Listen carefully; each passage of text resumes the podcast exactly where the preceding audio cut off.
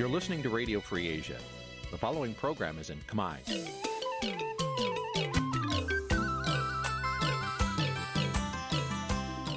នេះជាកម្មវិធីផ្សាយ Vuthu Azizi Serai នេះជាកម្មវិធីផ្សាយរបស់ Vuthu Azizi Serai ជាភាសាខ្មែរ Vuthu Azizi Serai សូមស្វាគមន៍លោកអ្នកនាងទាំងអស់ពីរដ្ឋធានី Washington នៃសហរដ្ឋអាមេរិក ចាប់ពីរដ្ឋធានី Washington នាងខ្ញុំម៉ៅសុធានីសូមជម្រាបសួរលោកអ្នកស្ដាប់ទាំងអស់ជាទីមេត្រីចាយើងខ្ញុំសូមជូនការផ្សាយសម្រាប់ព្រឹកថ្ងៃអាទិត្យ200ខែកដិកឆ្នាំឆ្លូវត្រីស័កពុទ្ធសករាជ2565ហើយដល់ត្រូវនៅថ្ងៃទី21ខែវិច្ឆិកាគ្រិស្តសករាជ2021ជាដំបូងនេះសូមអញ្ជើញលោកអ្នកនាងកញ្ញាស្ដាប់ព័ត៌មានប្រចាំថ្ងៃដែលមានមេត្តាដូចតទៅ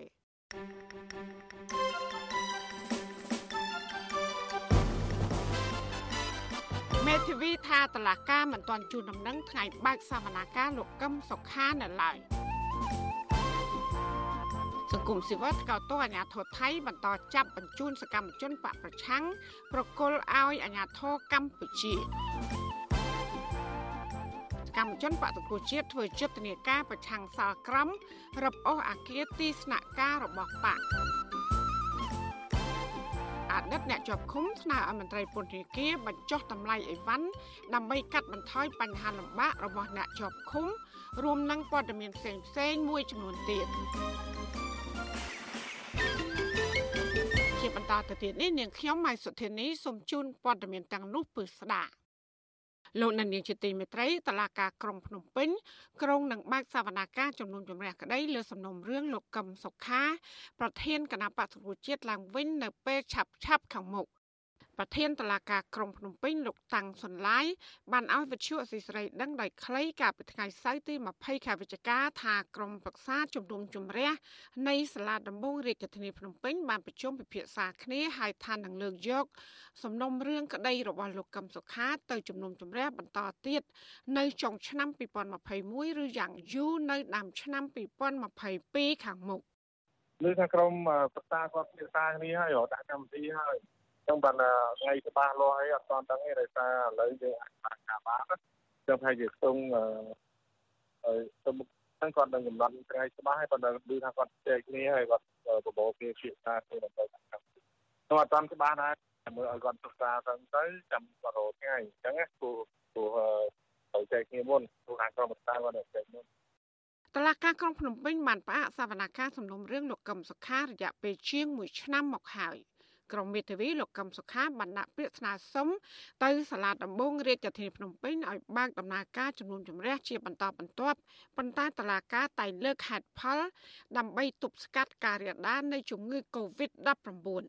តឡាកាក៏បានលើកហេតុផលដែលថាសំណុំរឿងនេះមិនមែនជារឿងក្តីអតិភិបពីព្រោះលោកកឹមសុខា កំពុងស្ថិតនៅក្រៅឃុំ ការដែលតឡាការផ្អឹបទុកសំណុំរឿងនេះគឺស្របទៅតាមការចង់បានរបស់លោកនាយករដ្ឋមន្ត្រីហ៊ុនសែនដែលបានថ្លែងក្នុងកិច្ចប្រជុំបិទទ្វារគណៈរដ្ឋមន្ត្រីកាលពីខែសីហាឆ្នាំ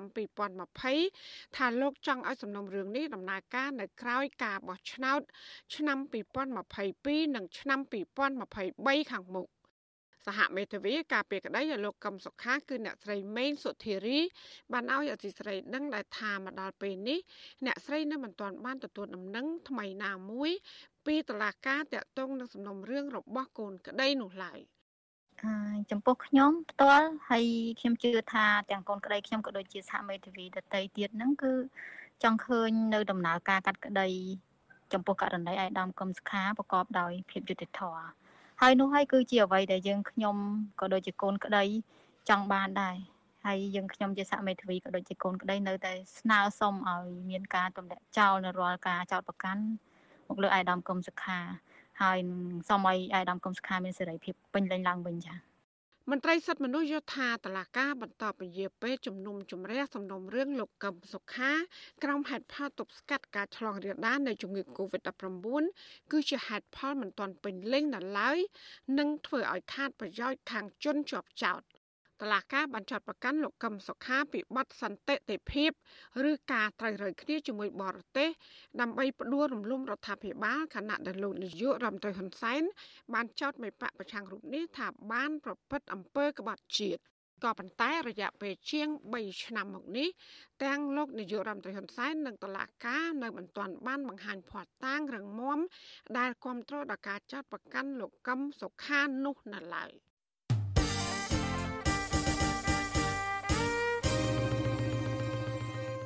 លោកនាងជាទីមេត្រីមន្ត្រីសង្គមស៊ីវិលចាត់ទុកទង្វើរបស់អាជ្ញាធរថៃដែលចាប់បញ្ជូនខ្លួនសកម្មជនបពប្រឆាំងជាបន្តបន្ទាប់ប្រកល់ទៅអរដ្ឋាភិបាលកម្ពុជា គឺជាការរំលោភអនុសញ្ញាស្តីពីសិទ្ធិជនភៀសខ្លួនរបស់អង្គការសហប្រជាជាតិយ៉ាងធ្ងន់ធ្ងរ ការលើកឡើងនេះបន្ទាប់ពីអាជ្ញាធរថៃកាលពីថ្ងៃទី20ខែវិច្ឆិកាម្សិលមិញ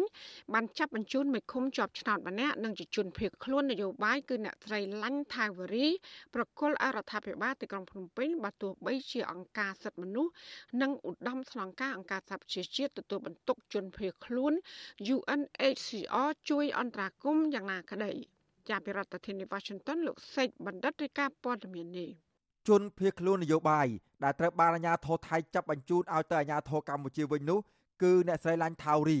មេឃុំជាប់ឆ្នោតគណៈបកប្រឆាំងនៅឃុំរស័យក្រោកស្រុកមង្គលបុរីខេត្តបន្ទាយមានជ័យអាជ្ញាធរថៃបានចាប់ខ្លួនអ្នកស្រីកាលពីថ្ងៃទី19វិច្ឆិកានិងបញ្ជូនទៅដល់កម្ពុជាវិញនៅព្រឹកថ្ងៃទី20ខែវិច្ឆិកាប្តីរបស់អ្នកស្រីឡាញ់ថាវរី គឺលោកភិនរ៉ាដង ប្រាប់បទសុអាស៊ីសេរីថា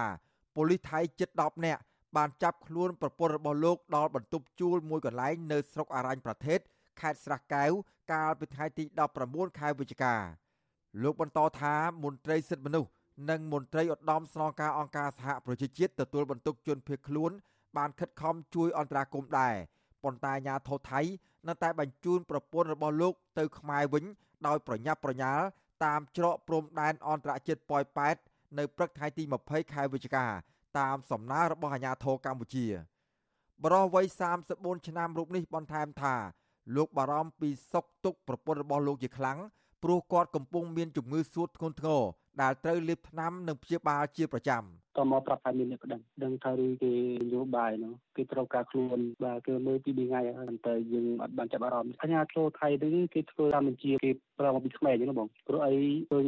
ស្ថានភាពព្រឹកមិញនេះគេប្រញាប់មែនទេណាប្រញាប់យកខ្លួនទៅឲ្យអ្នកនោះគេគួយចាំណាចាំយកខ្លាំងអានេះឡានក៏ប៉ុណ្ណានេះដឹកតែពីរអ្នកទេគឺគម្រាមកំហែងហ្នឹងបងការចាប់គម្រាមមនុស្សខោខោរើបងខ្លាំងចាប់ពោតទៀតពោតបានដល់ហងប្រទេសទៅនេះមុតចាប់ទៅក្រៅប្រទេសទៀតលោកផិនរ៉ាដងអត់ដឹងទៀតថា គិតត្រឹមល្ងាចថ្ងៃទី20ខែវិច្ឆិកាដដែលអាញាធរខ្មែរបានបញ្ជូនប្រពន្ធរបស់លោកពីក្រុងប៉ោយប៉ែតទៅស្នងការដ្ឋាននគរបាលខេត្តបន្ទាយមានជ័យហើយដូច្នេះលោកស្នើទៅដល់អង្គការសិទ្ធិមនុស្សជាតិនិងអន្តរជាតិឲ្យជួយតាមដានករណីនេះផងវិទ្យុអាស៊ីសេរីនៅពុំទាន់អាចតាក់ទងแนะនាំពាក្យអគ្គស្នងការដ្ឋាននគរបាលជាតិលោកឆាយកឹមខឿនដើម្បីសាកសួរអំពីបញ្ហានេះបាននៅឡើយទេគិតមកទល់នឹងម៉ោងផ្សាយនេះចំណែកស្នងការរងខេត្តបន្ទាយមានជ័យ លោកសិតឡោះប្រាប់ថាលោកមិនបានដឹងអំពីករណីចាប់សកម្មជនបកប្រឆាំងពីប្រទេសថៃបញ្ជូនមកកម្ពុជាវិញនោះទេអ្នកស្រីឡាញ់ថាវរីបានរស់នៅភៀសខ្លួនក្នុងប្រទេសថៃជាង4ឆ្នាំមកហើយនិងត្រូវបានទទួលស្គាល់ឋានៈជាជនភៀសខ្លួនដោយឧត្តមស្នងការអង្គការសហប្រជាជាតិទទួលបន្ទុកជនភៀសខ្លួនហៅកាត់ថា UNHCR ប្រចាំនៅប្រទេសថៃអំឡុងពេលភៀសខ្លួន អ្នកស្រីធ្លាប់បានចូលរួមសកម្មភាពគាំទ្រគណៈបកសង្គ្រោះជាតិ ជាពិសេសគាំទ្រមាតុភូមិនិវត្តរបស់លោកសំដាងស៊ីកាលពីឆ្នាំ2019តុលាការក្រុងភ្នំពេញបានចោទប្រកាន់អ្នកស្រីក្នុងសំណុំរឿងរួមគំនិតក្បត់ជាមួយនឹងថ្នាក់ដឹកនាំនិងសកម្មជនជាង100នាក់ផ្សេងទៀតជុំវិញរឿងនេះប្រធានគណៈកម្មការរដ្ឋបាលគណៈបកសង្គ្រោះជាតិប្រចាំប្រទេសថៃលោកឃ្លាំងប៊ុនឡាយថ្លែងថាគណៈបកសង្គ្រោះជាតិខកចិត្តចំពោះអាញាធរថៃ ដែលបន្តចាប់បញ្ជូនសកម្មជនគណៈបកប្រឆាំងឲ្យទៅរដ្ឋាភិបាលលោកហ៊ុនសែនដោយមិនការពារសិទ្ធិជនភៀសខ្លួនលោកបញ្ជាក់ថាជនភៀសខ្លួននយោបាយនៅក្នុងប្រទេសថៃកំពុងព្រួយបារម្ភអំពីសវត្ថិភាពជាខ្លាំងក្រោមរូបភាពនៃការចាប់បញ្ជូនជនភៀសខ្លួន។ ចន្លោះនេះជនភៀសខ្លួននយោបាយជាពិសេសគឺដឹកនាំរបស់គណៈបកសង្គ្រោះជាតិដែលកំពុងភៀសខ្លួនស្នាក់នៅប្រទេសថៃនេះកំពុងតែប្រឈមជាមួយនឹងការចាប់បញ្ជូនការសហការគ្នារវាងអាជ្ញាធរថៃនិងអាជ្ញាធរខ្មែរជាមានការអន្តរាគមយ៉ាងស្វិតស្វាញពី UNHCR អីក៏មិនអាចអន្តរាគមករណីនេះបានបាទមន្ត្រីសិទ្ធិមនុស្សក៏សោកស្ដាយនិងថ្កោលទោសចំពោះទង្វើរំលោភសិទ្ធិមនុស្សនេះដែរ ប្រធានសមាគមការពារសិទ្ធិមនុស្សអាត6លោកនីសុខាសោកស្ដាយចំពោះអាញាធរថៃដែលមិនបានការពារសិទ្ធិជនភៀសខ្លួនទាំងនោះលោកសង្កេតឃើញថាការចាប់បញ្ជូនជនភៀសខ្លួននយោបាយនិងសិទ្ធិមនុស្សដែលជ្រកកោននៅក្នុងប្រទេសថៃឲ្យទៅអាញាធរខ្មែរជាបន្តបន្ទាប់បែបនេះគឺបញ្ជាក់ថាប្រទេសថៃលែងជាកន្លែងមានសុវត្ថិភាពសម្រាប់ជនភៀសខ្លួនតទៅទៀតហើយ។ នៅពេលដែលខាង UNHCR បានផ្ដល់ឋានៈជនភៀសខ្លួនហើយហើយប្រទេសទាំងអស់ដែលយើងលក្ខណៈកាយវិការមនុស្សធម៌គួរណាស់តែយើងធ្វើម៉េចដើម្បីជួយទៅដល់ជនភៀសខ្លួនប៉ុន្តែយើងឃើញថាថ្មីថ្មីយើងមានការសោកស្ដាយណាស់ចំពោះអាញាធរថៃដែលនៅតែបន្តចាប់ខ្លួនមនុស្សដែលរត់ភៀសខ្លួនដោយសារតែរឿងនយោបាយហើយបញ្ជូនមកប្រទេសដើមវិញខ្ញុំគិតថាជារឿងមួយដែលមិនបានគោរពទៅនឹងអ្វីដែលជាគោលការណ៍របស់អនុសញ្ញាស្តីពីសិទ្ធិជនភៀសខ្លួនទេបាទ កាលពីពេលថ្មីថ្មីនេះអាជ្ញាធរថៃទើបតែបានចាប់ខ្លួនសកម្មជនគណៈបកប្រឆាំង2នាក់ដែលមានឋានៈជាជនភៀសខ្លួន គឺលោកវឿងសំណាង និងលោកវឿនវាសនាហៅក្រញូងប្រៃឡង់បញ្ជូនឲ្យទៅអាជ្ញាធររដ្ឋាភិបាលលោកហ៊ុនសែនយកទៅដាក់ពន្ធនាគារអង្គការឃ្លាំមើលសិទ្ធិមនុស្សអន្តរជាតិ Human Rights Watch បានថ្កោលទោសទង្វើរបស់អាជ្ញាធរថៃដែលបានចាប់បញ្ជូនជនភៀសខ្លួនខ្មែរទៅកាន់ប្រទេសកម្ពុជាវិញជាបន្តបន្ទាប់មកនេះ នាយករងអង្គការ Human Rights Watch ទទួលបន្ទុកកិច្ចការតំបន់អាស៊ីលោក Phil Robertson ថ្លែងលើបណ្ដាញ Twitter នៅថ្ងៃទី20ខែវិច្ឆិកាថារដ្ឋាភិបាលថៃ បានរំលោភកិច្ចការពារនិងសិទ្ធិរបស់ជនភៀសខ្លួនជាចំហម្ដងហើយម្ដងទៀតលោកសង្កត់ធ្ងន់ថាការចាប់បញ្ជូនអ្នកស្រីឡាញ់ថាវរីដែលជាជនភៀសខ្លួនទទួលស្គាល់ដោយទីភ្នាក់ងារអង្គការសហប្រជាជាតិពេលនេះគឺជារឿងអាក្រក់ហួសថ្លែង និងពិតជាមិនអាចទទួលយកបានឡើយលោកទៀមទាឲ្យអាជ្ញាធរថៃត្រូវតែលើកកម្ពស់កិច្ចការពារជនភៀសខ្លួនខ្ញុំបាទសេកបណ្ឌិតវិទ្យុអាស៊ីសេរីពីរដ្ឋធានីវ៉ាស៊ីនតោន ចាពាក់ព័ន្ធនឹងគណៈបកសង្គ្រោះជាតិនេះដែរសកម្មជនបកកំពុងធ្វើយុទ្ធនាការប្រឆាំងសាលក្រមតឡាការក្រុងភ្នំពេញ ដែលរំអូសអាគារទីស្នាក់ការកណ្ដាលរបស់គណៈបកប្រឆាំងយកឡៃឡុងដើម្បីយកលុយទៅឲ្យមេដឹកនាំគណៈបកកាន់អំណាចមន្ត្រីបកកាន់អំណាចលើកឡើងថាសាលក្រមតឡាការនេះគឺជាការផ្ដាច់ឫសគល់របស់គណៈបកប្រឆាំងសូមស្ដាប់សេចក្តីរាយការណ៍របស់លោកយុនសាមៀនជំវិញបញ្ហានេះ សកម្មជនគណៈបកប្រឆាំងកំពុងធ្វើញត្តិនឹងយុទ្ធនាការតាមបណ្ដាញសង្គម Facebook ប្រឆាំងមិនឲ្យមានការរឹបអូសទីស្នាក់ការកណ្ដាលគណៈបកសង្គ្រោះជាតិយកទៅលក់ឡៃឡុងពួកគេលើកឡើងស្រដៀងគ្នាថាអាគារនេះកើតចេញពីញើសឈាមរបស់អ្នកគាំទ្រគណៈបកនេះដែលចូលរួមបរិច្ចាគថវិកាក្នុងការសាងសង់ទីស្នាក់ការនេះសកម្មជនគណៈបកសង្គ្រោះជាតិលោកស្រីមានឡាដែលកំពុងភៀសខ្លួននៅប្រទេសថៃយល់ថា ទង្វើរបស់តុលាការពេលនេះធ្វើឡើងតាមការបញ្ជារបស់លោកនាយករដ្ឋមន្ត្រីហ៊ុនសែនលោកស្រីបន្តថាមេដឹកនាំរូបនេះនៅតែភ័យខ្លាចនឹងដេកមិនលក់ពេលឃើញអាគារគណៈបកសង្គ្រោះជាតិ អឺលោកហ៊ុនសែនឆ្លំចៃអីបងថាចឹងអ្វីដែលពាក់ព័ន្ធនឹងគណៈបកសង្គ្រោះជាតិនឹងគេចង់បាត់ចោលអង្គក៏តែធ្វើទៅរួចនៅទីមទាទីស្នាក់ការគណៈបកសង្គ្រោះជាតិយើងមកវិញទៅតាមអ្វីដែលអាចធ្វើបានដូចជាការបង្ហោះលើបណ្ដាញសង្គម Facebook អីអញ្ចឹងជាដើមណាបងរីឯសាខាគណៈបកសង្គ្រោះជាតិនៅប្រទេសអូស្ត្រាលីវិញលើកឡើងក្នុងញត្តិរបស់ខ្លួនកាលពីថ្ងៃទី19វិច្ឆិកាថា ដោយការបង្គាប់តុលាការឲ្យលក់អាគារដើម្បីសងបំណុលដែលលោកសំរងស៊ីចាញ់ក្តីជាអំពើខុសឆ្គងប្រពន្ធដដែលលើកឡើងថាទីស្នាក់ការនេះជាកម្មសិទ្ធិរបស់អ្នកគាំទ្រគណៈបកនៅទូទាំងពិភពលោកមិនមែនត្រឹមជាទ្រព្យសម្បត្តិផ្ទាល់ខ្លួនរបស់លោកសំរងស៊ីនោះទេប្រធានគណៈបកសង្គ្រោះជាតិប្រចាំប្រទេសអូស្ត្រាលី លោកអិនហៃម៉ារ៉ាស្នើទៅតុលាការឲ្យពិនិត្យឡើងវិញនៅការសម្រេចនេះ បាទយើងសង្ឃឹមថាតឡាការនៅទីក្រុងភ្នំពេញនឹងនឹងពិនិត្យសារឡើងវិញហើយដោយសារមានសេចក្តីចេញសេចក្តីថ្លែងការណ៍ពីយើងហៅថាអ្នកដែលចេញថវិកាធ្វើអាគារហ្នឹងតឡាការអាច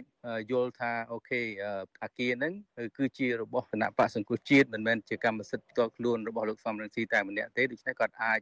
យើងហៅថាអាចទម្លាក់ចោលឬក៏លុបលុបចោលនៅដីកាសម្រេចនឹងបាទដីកាបង្គាប់នឹង ប្រតិកម្មរបស់គណៈបកសង្គ្រោះជាតិពេលនេះធ្វើឡើងក្រោយពីចៅក្រមសាលាដំបងរាជធានីភ្នំពេញលោកអឹមវណ្ណៈបានចេញដីកាចំនួន4ដាច់ដោយឡែកពីគ្នា កាលពីថ្ងៃទី15ខែវិច្ឆិកាបង្គាប់ឲ្យប្រធានស្ដីទីគណៈបកសង្គ្រោះជាតិលោកសំរងស៊ីត្រូវសងលុយទៅក្រុមមេដឹកនាំរបបក្រុងភ្នំពេញ មានដូចជាលោកហ៊ុនសែនជាច្រើនលានដុល្លារពាក់ព័ន្ធទៅនឹងសំណើរបស់មន្ត្រីគណៈបកប្រឆាំងនេះ អ្នកនាំពាក្យគណៈបកប្រជាជនកម្ពុជាលោកសុកអេសានថា ចំណាត់ការរបស់តុលាការបែបនេះស្មើនឹងការកាត់ផ្តាច់ឬគល់គណៈបកប្រឆាំងបាទនៅផ្ដាច់ឬផ្ដាច់ក្រព្រោះវាអត់មានមូលដ្ឋាននៅនឹងទីស្នាក់ការក៏អស់ទ្រព្យសម្បត្តិក៏អស់ចប់កន្លងមកលោកនាយករដ្ឋមន្ត្រីហ៊ុនសែនធ្លាប់បានប្រកាសថាលោកចង់រឹបអូសយកទ្រព្យសម្បត្តិរបស់លោកសំរងស៊ីជាបន្តបន្ទាប់ក្នុងនោះរួមមានទីស្នាក់ការកណ្ដាលរបស់គណៈបកសង្គ្រោះជាតិជាដើម ជុំវិញយុទ្ធនាការប្រឆាំងសាលក្រមតឡាការនេះអ្នកសិក្សាស្រាវជ្រាវការអភិវឌ្ឍសង្គមបណ្ឌិតសេងសារីយល់ថាការធ្វើញត្តិរបស់សកម្មជនជារឿងល្អមួយ ដែលបញ្ជាក់ពីការតស៊ូផ្នែកនយោបាយប៉ុន្តែលោកមិនដឹងថាពួកគេនឹងទទួលបានលទ្ធផលបែបណានោះទេ ស្របពេលប្រធានគណៈបកនេះគឺលោកកឹមសុខា មិនបានបញ្ចេញប្រតិកម្មអ្វីទាំងអស់លើករណីនេះអ្នកវិភាគរូបនេះយល់ថាទីស្នាក់ការនេះ មិនមែនត្រឹមតែជាអាគាររបស់គណៈបកសង្គ្រោះជាតិនោះទេប៉ុន្តែវាជាមរតករបស់ក្រមអ្នកប្រជាធិបតេយ្យដែរលោកសេងសារីយល់ថាប្រសិនអាគារនេះត្រូវបានតុលាការលក់ឡៃឡុងមែននោះវាអាចនឹងក្លាយជាកន្លែងលក់ឡានឬកន្លែងម៉ាស្សាជាដើម ដែលអាចធ្វើឲ្យប៉ះពាល់ដល់ទឹកចិត្តអ្នកគ្រប់គ្រងគណៈបកប្រឆាំង។ 3ការពារអត្តសញ្ញាណរបស់គណៈបក្សសង្គ្រោះជាតិក៏ជាការបង្ហាញនិងការលើកទឹកចិត្តដល់អ្នកការអ្នកតស៊ូនៅក្នុងមាគ៌ាប្រជាធិបតេយ្យដែរបទពិសោធន៍កន្លងមកយើងឃើញថាគណៈបរិជានិយមបាត់បង់គេឈ្មោះបាត់បង់កិត្តិនាមអីហ្នឹងគឺដោយសារតែបាត់បង់ទីស្នាក់ការកណ្ដាលរបស់ខ្លួននឹងឯងហើយទោះបីនៅក្នុងរូបភាពពីរផ្សេងគ្នាក៏ដោយ ជុំវិញដំណើរការរបស់តុលាការក្នុងការលួចឡាយឡុងអាគារនេះដែរប្រធានសាលាដំបងរាជធានីភ្នំពេញលោកតាំងសុនឡាយឲ្យដឹងថាពេលនេះតុលាការគ្រាន់តែរឹបអូសអាគារនេះទុកសិនទោះបីជាយ៉ាងណា លោកសំរងស៊ីអះអាងថាសាក្រមតុលាការនេះនឹងធ្វើឲ្យលោកអស់ចំណងសម្ភារៈហើយរឹតតែធ្វើឲ្យលោកមានសេរីភាពធ្វើនយោបាយខ្លាំងជាងមុនលោកសំរងស៊ីថាសាលក្រមនេះនឹងមិនអាចផ្លាស់ប្ដូរការបដិញ្ញាចិត្តរបស់លោក ដើម្បីធ្វើការតស៊ូមតិឲ្យមានការផ្លាស់ប្ដូរនៅកម្ពុជានោះទេ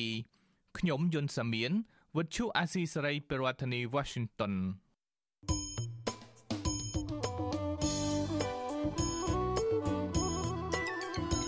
លោកនាងកញ្ញាកំពុងស្ដាប់ការផ្សាយរបស់វិទ្យុអាស៊ីសេរីផ្សាយចេញពីរដ្ឋធានី Washington ជាវិទ្យុអសីស្រីផ្សាយតាមរលកធាតុអាកាសខ្លីឬ short wave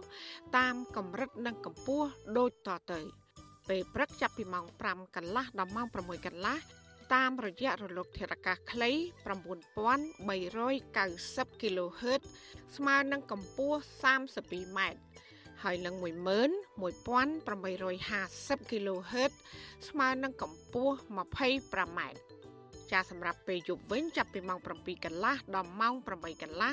គឺតាមរយៈរលកធាតុអាកាសខ្លី9390 kHz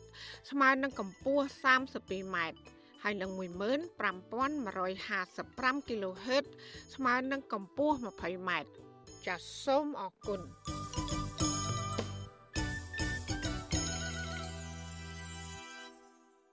លោកដានៀងកញ្ញាកំពុងស្ដាប់ការផ្សាយរបស់វិទ្យុអាស៊ីស្រីផ្សាយចេញពីរដ្ឋធានី Washington ងាកមករឿងកិច្ចការចុះឈ្មោះបោះឆ្នោតវិញរយៈពេល37ថ្ងៃមកនេះត្រឹមថ្ងៃទី19ខែវិច្ឆិកាគណៈកម្មាធិការជាតិរៀបចំការបោះឆ្នោតហៅកាត់តកោជបប្រកាសថា មានប្រជាប្រដ្ឋបានទៅចុះឈ្មោះថ្មីជាង38ម៉ឺននាក់ក្នុងចំណោមមនុស្សត្រូវចុះឈ្មោះថ្មីជាង1លាន6សែននាក់ អ្នកខ្លំមើលដំណើរការបោះឆ្នោតយល់ថាចំនួនបរិវត្តដែលបានចុះឈ្មោះនៅមានតិចតួចនៅឡើយតើមូលហេតុអ្វីបានជាប្រជាប្រដ្ឋទៅចុះឈ្មោះមានចំនួនតិចនៅឡើយហើយតើពួកគាត់នឹងបាត់បង់ឱកាសឬក៏ខាត់បង់អ្វីខ្លះសូមលោកអ្នកនាងកញ្ញារងចាំស្ដាប់បទសម្ភាសន៍របស់អ្នកស្រីខែសំណងជាមួយអ្នកសម្របសម្រួលផ្នែកអង្កេតរបស់អង្គការឃ្លាំមើលការបោះឆ្នោត Confrel គឺលោកកនសវាងនាពេលបន្តិចទៀតនេះចាសសូមអរគុណ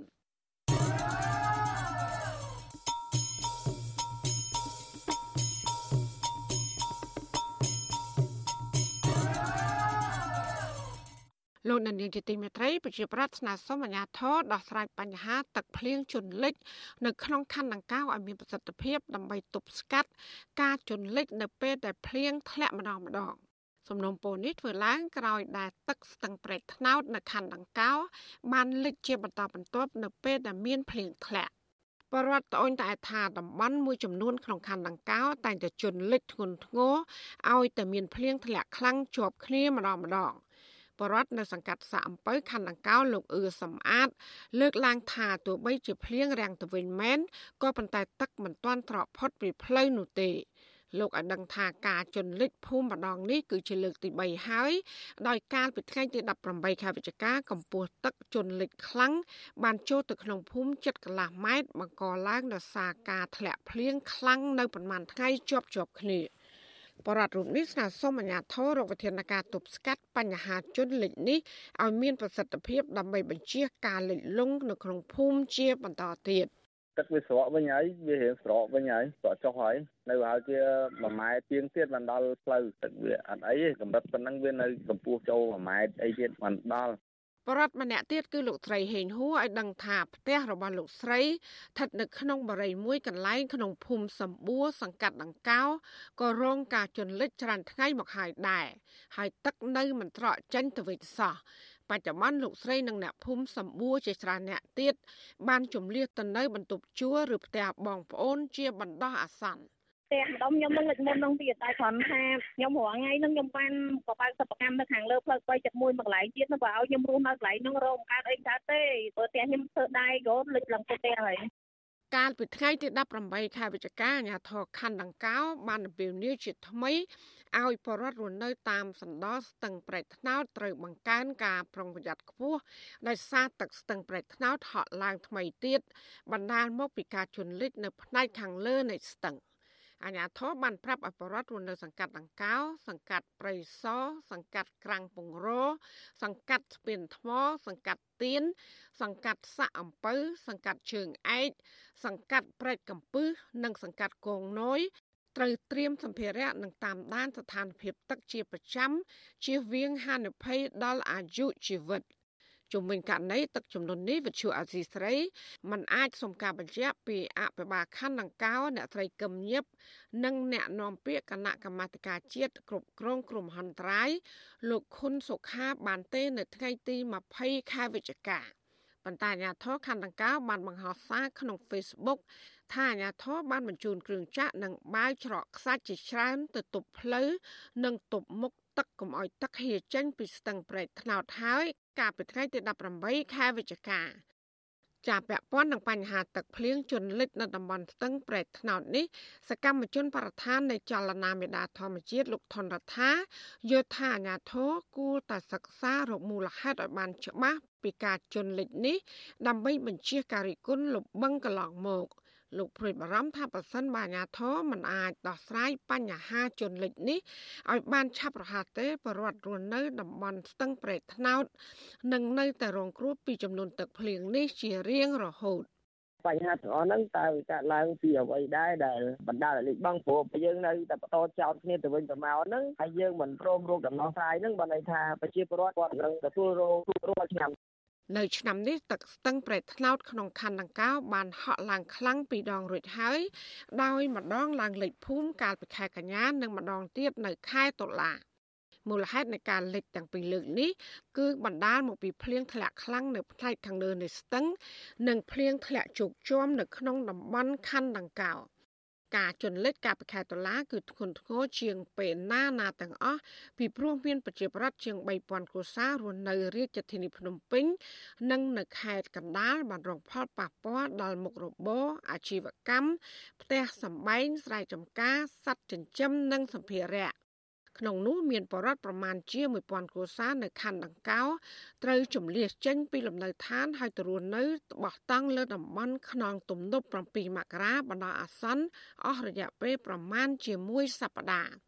ទឹកស្ទឹងប្រែកថ្នោតបានជន់លិចធ្ងន់ធ្ងរនៅរយៈពេល2ឆ្នាំចុងក្រោយនេះ ប្រជាប្រដ្ឋនិងអ្នកខ្លាំមើលយល់ឃើញថាស្ថានភាពទឹកស្ទឹងប្រែកថ្នោតកាន់តែជន់លិចខ្លាំងនេះគឺបណ្ដាលមកពីការលុបបឹងធម្មជាតិជាពិសេសគឺបឹងជើងឯកដែលជាកន្លែងຕົកទឹកដ៏ធំជាងគេនៅម្ដុំនោះ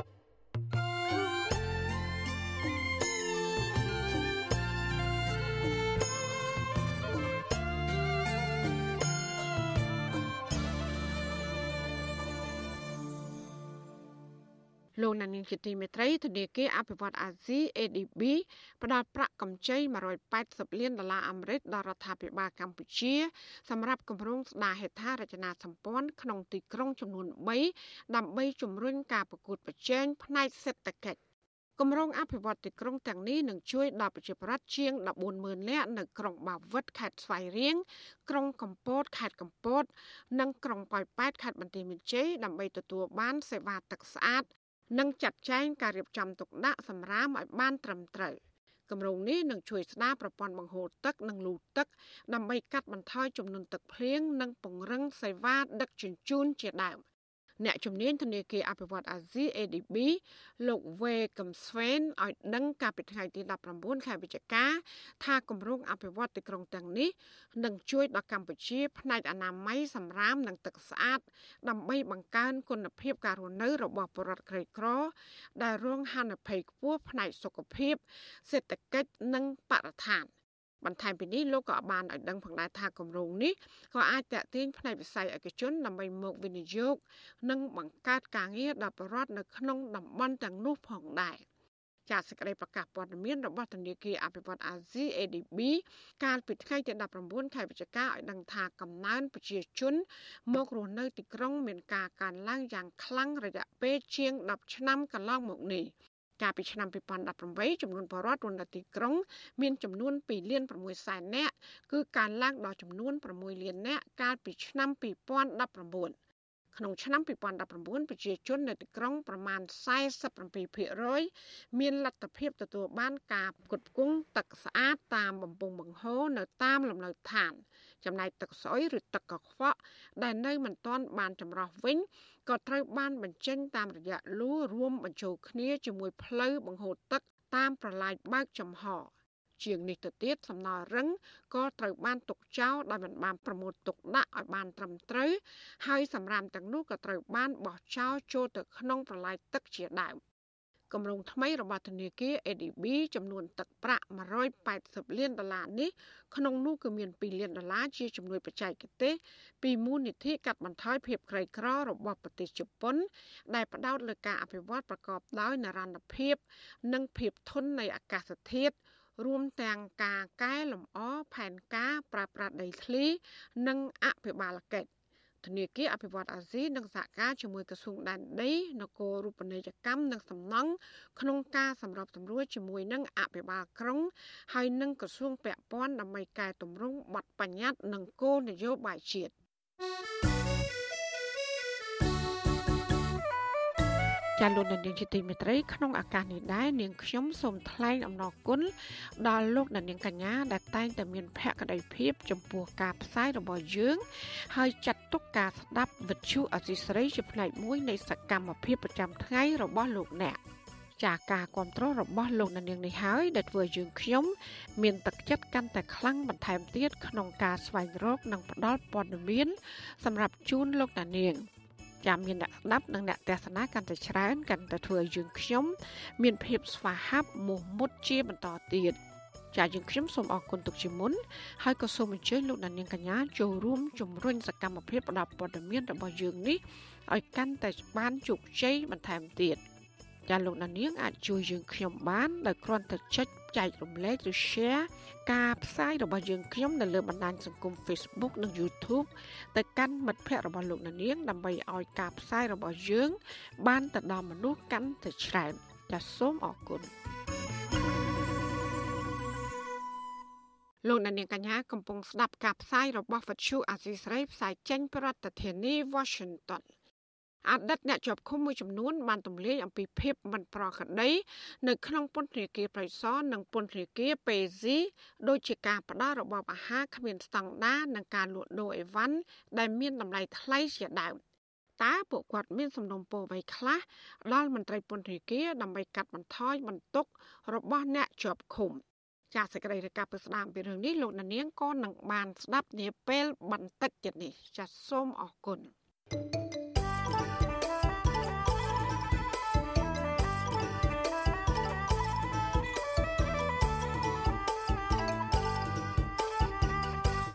លលោកអ្នកស្ដាប់ទទីមេត្រីព្រះមហាក្សត្រព្រះបរមនាថនរោត្តមសីហមុនីមានបរិទ្ធបន្ទូលទៅកាន់ប្រធានាធិបតីចិន ថាប្រទេសកម្ពុជានិងសាធារណរដ្ឋប្រជាមានិតចិន គឺជាមិត្តចាស់នឹងគ្នា បរិជ្ជបន្ទូលរបស់ព្រះមហាក្សត្រធ្វើឡើងក្នុងព្រឹត្តិការណ៍ចូលថ្ងៃទី18ខែវិច្ឆិកាដែលព្រះអង្គផ្ញើជូនលោកប្រធានាធិបតីចិនស៊ីឈីនពីងដែលបានផ្ញើលិខិតអបអរក្នុងឱកាសទិវាបុណ្យឯករាជ្យជាតិលើកទី68របស់ប្រទេសកម្ពុជា។ ព្រះមហាក្សត្រមានបន្ទូលថាទំនាក់ទំនងមិត្តភាព និងសហប្រតិបត្តិការដ៏ល្អលើគ្រប់វិស័យរវាងកម្ពុជានិងចិន បាននាំមកនូវការរីកចម្រើនកាន់តែខ្លាំងឡើងថែមទៀតដល់ប្រទេសកម្ពុជាព្រះអង្គនឹងបន្តធ្វើកិច្ចការជាមួយរដ្ឋាភិបាលចិន ក្នុងការលើកកម្ពស់ការកសាងសហគមន៍រួមវាសនាតែមួយ ដើម្បីនាំមកនូវអត្ថប្រយោជន៍បន្ថែមទៀតដល់ប្រជាពលរដ្ឋនៃប្រទេសទាំងពីរ។ ក្នុងបរិយាសាដដែលនោះព្រះមហាក្សត្រក៏បានថ្លែងអំណរគុណចំពោះរដ្ឋាភិបាលចិនដែលបានផ្ដល់ការគ្រប់គ្រងនិងជំនួយដល់កម្ពុជា ដើម្បីប្រយុទ្ធប្រឆាំងនឹងការរាតត្បាតនៃជំងឺ Covid-19 បន្ថែមពីនេះរដ្ឋាភិបាលចិនក៏បានស្វាគមន៍ព្រះអង្គនិងព្រះរាជាមាតានៅពេលដែលយាងទៅពិនិត្យបរិយាសុខភាព និងវិស្មការគ្រប់ពេលវេលានៅប្រទេសចិន។ ការពាក់ព័ន្ធនឹងការងាកតាអោបក្រសោបប្រទេសកុម្មុយនីសចិនកាន់តែខ្លាំងនេះរដ្ឋាភិបាលកម្ពុជារងការរិះគន់ពីបណ្ដាប្រទេសលោកសេរីជាពិសេសគឺសហរដ្ឋអាមេរិកក្រុមអង្គការសង្គមស៊ីវិលជាតិនិងអន្តរជាតិថាកម្ពុជាកំពុងបំផ្លាញប្រជាធិបតេយ្យនិងរំលោភសិទ្ធិមនុស្សធ្ងន់ធ្ងរ ការពឹងផ្អែកទាំងស្រុងលើរដ្ឋាភិបាលចិនទើបបង្កើតការសង្ស័យថាកម្ពុជា បានលួចចុះកុងត្រាសម្ងាត់រយៈពេល30ឆ្នាំជាមួយប្រទេសចិន អនុញ្ញាតឲ្យប្រទេសនេះប្រើប្រាស់កំពង់ផែកងទ័ពជើងទឹករៀមផ្ដាច់មុខ បន្ថែមពីនេះការពិពេលថ្មីថ្មីនេះសហរដ្ឋអាមេរិកក៏បានដាក់ទណ្ឌកម្មប្រឆាំងលោកនាយឧត្តមសេនីយ៍លោកចៅភិរុននិងនាយឧត្តមនាវីទាវិញ ពីបទជាប់ពាក់ព័ន្ធនឹងអំពើពុករលួយធ្ងន់ធ្ងរក្នុងគម្រោងអភិវឌ្ឍនៅកំពង់ផែកងទ័ពជើងទឹករៀម លោកនានីជាទីមេត្រីក្រសួងមហាផ្ទៃប្រកាសថាក្រសួងនឹងរៀបចំការចុះបញ្ជីអត្រានុកូលដ្ឋាន ដោយប្រព័ន្ធកុំព្យូទ័រដែលអាចចុះបញ្ជីតាមរយៈ website និងបច្ចេកវិទ្យាទូរស័ព្ទ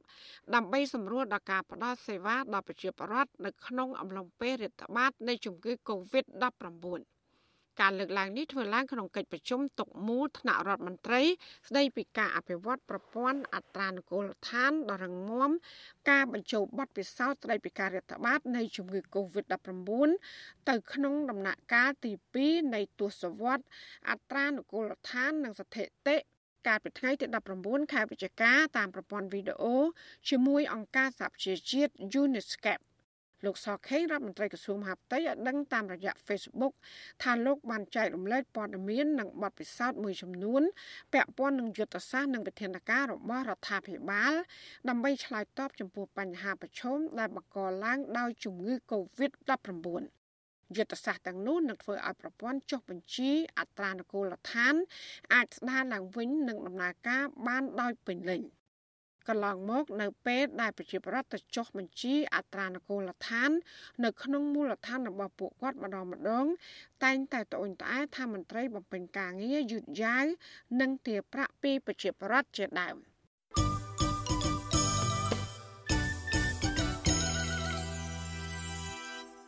លោកអ្នកស្ដាប់ទទីមេត្រីភ្ញៀវទេសចរជាតិនិងអន្តរជាតិក្នុងប្រទេសដែលដើរលេងកម្សាន្តក្នុងពិធីបុណ្យអុំទូករយៈពេល2ថ្ងៃ គឺមានត្រប់ជាង460000នាក់តំបន់ទេសចរដែលភ្ញៀវទៅលេងច្រើនជាងគេមានដូចជារាជធានីភ្នំពេញខេត្តសៀមរាបខេត្តបរសៃហនុកំពតកែបនិងខេត្តពោធិ៍សាត់ជាដើម។ របាយការណ៍ដដែលបង្ហាញថាភ្ញៀវទេសចរជាតិនិងអន្តរជាតិដែលលេងកម្សាន្តនៅថ្ងៃទី2នៃពិធីបុណ្យអុំទូកនេះគឺមានចំនួនជាង33ម៉ឺននាក់កើនឡើង ជាង150%បើធៀបទៅនឹងថ្ងៃទី1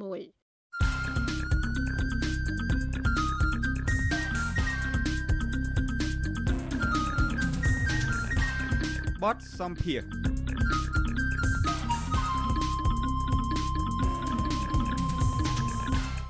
ចាលោកនាងកញ្ញាជាទីមេត្រីរយៈពេល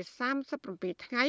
ត្រឹមថ្ងៃទី19ខែវិច្ឆិកាគណៈកម្មាធិការជាតិរៀបចំការបោះឆ្នោតហើយកាត់ថាកោជបប្រកាសថាមានប្រជាប្រដ្ឋបានទៅចុះឈ្មោះថ្មី គឺមានចំនួនជាង380000នាក់ក្នុងចំណោមមនុស្សដែលទៅចុះឈ្មោះថ្មីជាង1លាន6សែននាក់អ្នកខ្លំមើលដំណើរការបោះឆ្នោតយល់ឃើញថាចំនួនពលរដ្ឋដែលបានទៅចុះឈ្មោះនៅពេលនេះគឺមានតិចតួចនៅឡើយ តើមូលហេតុអ្វីបានជាបរដ្ឋទៅចុះឈ្មោះមានចំនួនតិចហើយតើពួកគាត់នឹងបាត់បង់ឱកាសឬក៏ខាត់បង់អ្វីខ្លះបើសិនជាមិនបានទៅចុះឈ្មោះបោះឆ្នោតសូមលោកអ្នកនាងស្ដាប់បទសម្ភាសន៍របស់អ្នកស្រីខែសំណងជាមួយនឹងអ្នកសម្របសម្រួលផ្នែកអង្កេតរបស់អង្គការឃ្លាំមើលការបោះឆ្នោត Confrere លោកកនសាវាងជំវិញរឿងនេះដូចតទៅជំរាបសួរលោកកនសាវាងចាបាទសូមជំរាបសួរបាទចាសុខសប្បាយទេលោកសាវាងថ្ងៃនេះចាបាទ សុខសប្បាយបាទសុខសប្បាយយុធម្មតាទេបាទអរគុណច្រើនចាកោជបនឹងបានប៉ាន់ស្មានថាអ្នកដែលចោះឈ្មោះបោះឆ្នោតថ្មីសម្រាប់ឆ្នាំ2021នឹងមានចំនួនជាង1លាន6សែននាក់ចង់ឲ្យលោកកនសវាងបញ្យល់បន្តិចមើលថាតើលោកមើលឃើញថាសន្ទុះរបស់ប្រជាពលរដ្ឋដែលទៅចូលរួមចោះឈ្មោះឬក៏បោះឆ្នោតនឹងតើរហូតដល់ពេលនេះនឹងឃើញថាមានភាពសស្រាក់សស្រាំអីប្រជាពលរដ្ឋទៅចោះឈ្មោះនឹងបានដោយអ្វីដែលជាការរំពឹងទុករបស់ខាងកោជបទេចា៎បាទសូមអរគុណមែនតើទៅ ទូរលេខដែលយើងបានឃើញរយៈពេលប្រហែលថ្ងៃនេះហើយនឹងអ្វីដែលខ្ញុំបានពិនិត្យតាំងពីដើមមកគឺឃើញថាទូលេខនេះគឺមួយថ្ងៃគឺប្រហែលជា30000នាក់ដែរដែលដែលជាមធ្យមបាទនៅក្នុងមួយថ្ងៃដល់អញ្ចឹងបើយើងគិតអំពីអ្វីដែលជាការប៉ាន់ប្រមាណរបស់ស្ថាប័នកោយោបនៅក្នុងអ្នកដែលចុះឈ្មោះ3 1.6លានអ្នកនេះយើងឃើញថាអញ្ចឹងអ្វីដែលជាការលើកឡើងស្ថិតិចាស់ស្ដែងនេះគឺថាមិនទាន់ពេញ គ្រប់ផែនការទេបើសិនជាទៅអ្វីដែលទៅតាមទូលេខបច្ចុប្បន្ននេះបាទចាតើមានមូលហេតុអីខ្លះទៅដែលជាការបន្តិចបង្អាក់ឲ្យគាត់មិនចាប់អារម្មណ៍ឬក៏មិនទៅចោះឈ្មោះបោះឆ្នោតនេះចាតាមពិតទៅវាមានកត្តាជាច្រើនដែលធ្វើឲ្យប្រជាពលរដ្ឋនឹងលោកមិនអាចនឹងចូលរួមទៅចុះឈ្មោះគ្រប់ទៅនឹងអ្វីដែលជាស្ថិតិរបស់ស្ថានជបពីព្រោះវាពាក់ព័ន្ធនឹងកត្តាមួយចំនួនកត្តាទី1គឺពាក់ព័ន្ធនឹងកត្តាច្បាប់បាទ យើងដឹងហើយថាតាំងពីដើមមកច្បាប់ចុះឈ្មោះបោះឆ្នោតគឺថាមិនទាន់បានបើកផ្លូវឲ្យគិតគូរប្រជាពលរដ្ឋដែលលោកធ្វើការចំណាក់ស្រុកទេទាំងក្រៅក៏ដោយទាំងក្នុងក៏ដោយគឺថាមិនបានទូលំជាពិសេសគឺពលករចំណាក់ស្រុកទៅក្រៅប្រទេសនេះតែម្ដងនេះគឺជាច្បាប់និងនីតិវិធីគឺថាមិនត្រូវបានការកែប្រែទេទោះបីថាពីមុនក៏ពិបាកមានការលំបាកក្នុងការជជែកគ្នាហើយមកដល់ឥឡូវនេះគឺតែឯកបៈក៏ដោយគឺនៅតែអាចនឹងដោះស្រាយបានទី2តកតងនឹងរឿងស្ថានភាពនយោបាយតែតែទៅប្រជាពលរដ្ឋរបស់យើងនៅតែប្រកាន់នៅគំនិតនៅតកតងនឹងការស្រឡាញ់និងការស្អប់នៅគណៈបកនយោបាយនៅឡើយទេបាទអញ្ចឹងយើងឃើញថាស្ថានភាពនយោបាយដែលកើតឡើងតាំងពីឆ្នាំ2017ដែលកើតចេញពីការរំលាយគណៈបកសង្គមជាតិនេះគឺថាធ្វើឲ្យប្រជាពលរដ្ឋហ្នឹងគឺហាក់ដូចជាលោកនឹងអស់ជំនឿដល់បច្ចុប្បន្ននេះដែលយើងបានធ្វើការជួបជាមួយប្រជាពលរដ្ឋមូលដ្ឋានមែនទែនទាំងប្រជាពលរដ្ឋដែលមានការគ្រប់គ្រង គណៈបព្វឆាំងឬក៏មិនគ្រប់គ្រងក៏ដោយគឺថាគាត់មានការធុញថប់និងអស់អារម្មណ៍ជាមួយនឹងការចូលរួមពាក់ព័ន្ធជាមួយនឹងការចោះឈ្មោះបោះឆ្នោតហ្នឹងលោកពេលខ្លះលោកលើងថាมันមានអ្វីដែលធ្វើឲ្យមានការប្រែប្រួលតាក់ទងនឹងការបោះឆ្នោតបាទនេះគឺជារឿងមួយដែលសំខាន់តែតាក់ទងនឹងស្ថានភាពនយោបាយដែលយើងតែងតែលើកឡើងថារដ្ឋាភិបាលគួរតែធ្វើការស្ដារឡើងវិញ នៅស្ថានភាពនយោបាយដើម្បីធ្វើម៉េចឲ្យមានការធានាពីឆន្ទៈប្រជាពលរដ្ឋនិងបើកឲ្យមានការពុតប្រជែងដោយសេរីសម្រាប់ខាងផ្នែកនយោបាយទាំងគណៈបកដែលមានការគ្រប់គ្រងសម្លេងភាគតិចក៏ដោយភាគច្រើនក៏ដោយឬក៏គណៈបកដែលទៅបង្កើតថ្មីក៏ដោយបាទទី3គឺតកតងជាមួយនឹងរឿងឯកសារ ខាងក្រសួងហាផ្ទៃក៏ដូចជាខាងកយបឃើញថាប្រកាសនៅចំនួនមួយច្រើនក៏ប៉ុន្តែធាតពិតមែនតើនៅមូលដ្ឋាននោះដែលយើងបានទៅជួបមួយជាបរដ្ឋផ្ទាល់អ្នកខ្លះធ្វើដល់ទៅ3ដងគឺថាមិនទាន់បានទទួលនៅឯកសារជាពិសេសគឺអត្តសញ្ញាណប័ណ្ណនេះតែម្ដងបាទហើយការបោកសរុបនេះគឺធ្វើឡើងតាំងពីអាយុ15 ក៏ប៉ុន្តែជាក់ស្ដែងបានធ្វើចឹងមែនបើតាមនីតិវិធីនេះគឺថាបានធ្វើប៉ុន្តែរឿងការទទួលនេះគឺមិនទាន់បានទូលេខណាថាប្រជាពលរដ្ឋនៅមូលដ្ឋានជាពិសេសគឺប្រជាពលរដ្ឋដែលនៅខេត្តដែលដាច់ស្រយាលហ្នឹងឲ្យបានទទួលបានពេញនៅក្នុងដៃនេះគឺថាមានទេបើយើងជួបជាមួយប្រជាពលរដ្ឋគឺថាគាត់បានលើកឡើងថាគាត់ធ្វើដល់ទៅ3ដងហើយជួនកាលមិនទាន់បានទៀតបាទនេះគឺជាអ្វីមួយដែលសារសម្រាប់រដ្ឋាភិបាលពិនិត្យឡើងវិញជាផ្សេងសូមអតីពិនិត្យមើលចំណុចនេះហើយនឹងអញ្ញាធិមូលដ្ឋានបាទសូមឲ្យបំពេញគាត់ហើយ បញ្ហាឯកសារនេះទៀតគឺថាយើងឃើញហើយថាជាបរដ្ឋយើងពេលខ្លះគាត់បានប្រើប្រាស់ឯកសារនេះដើម្បីយកទៅធ្វើកិច្ចការងារខាងក្រៅអញ្ចឹងពេលខ្លះគឺជាមូលហេតុដែលធ្វើឲ្យគាត់នឹងមានការមិនចង់វិលវល់ក្នុងការ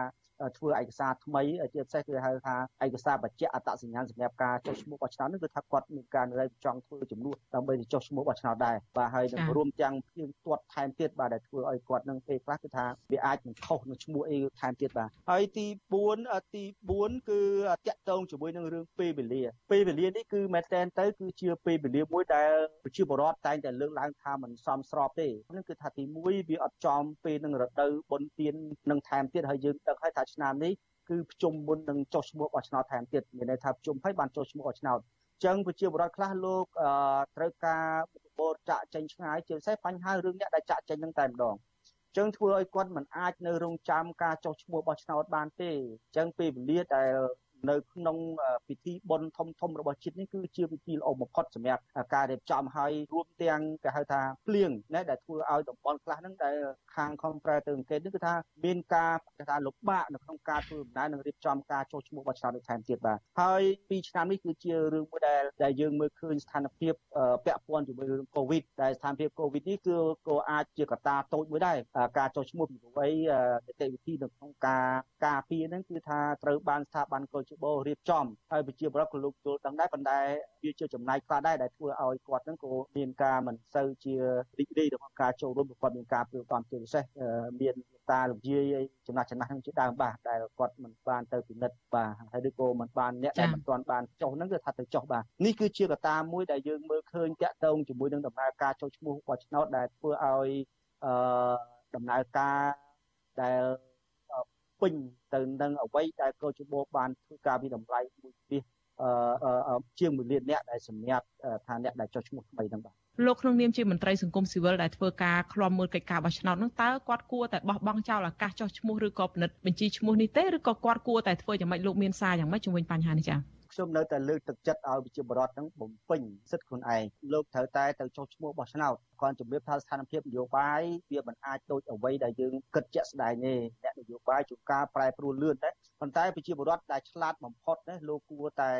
ត្រូវតែទៅចុះឈ្មោះបោះឆ្នោតជាមុនសិនពេលខ្លះត្រង់ចំណុចនេះគឺឃើញថាមានការយល់ច្រឡំខ្លះជាមួយការគិតទៅណាប៉ុន្តែគាត់ខ្ញុំផ្ដល់ទៀតទស្សនៈទៀតមួយទៀតថាបើសិនជា សិទ្ធិនៅក្នុងការបោះឆ្នោតគឺលោកអាចសម្រេចហើយអ្វីដែលជារឿងអយុត្តិធម៌យើងត្រូវតែធ្វើការស្វែងរកនៅភាពយុត្តិធម៌សម្រាប់គណៈបកយោបាយសម្រាប់ប៉ុន្តែសម្រាប់សិទ្ធិមួយដែលត្រូវតែបំពេញគឺថាត្រូវតែទៅចុះឈ្មោះឲ្យមានអញ្ចឹងនៅពេលមួយវិនាទីចុងក្រោយណាមួយនោះយើងអាចធ្វើការសម្រេចតាមចិត្តរបស់ខ្លួនដែលខ្លួនអាចនឹងធ្វើគិតអីបានបាទបើសិនជាគាត់ទៅចុះឈ្មោះឆ្នោតគាត់នឹងមានផលចំណេញអ្វីទៅលោកចា៎ បើសិនជាគាត់ទៅចុះឈ្មោះបោះឆ្នោតមានន័យថានៅពេលមួយនាទីចុងក្រោយនៅក្នុង ថ្ងៃបោះឆ្នោតគឺគាត់អាចគិតថាគាត់អាចទៅបោះឬក៏មិនទៅបោះបានមានថាបើគាត់ចង់ទៅបោះគឺថាគាត់មានឈ្មោះស្រាប់នៅក្នុងបញ្ជីឈ្មោះបាទចា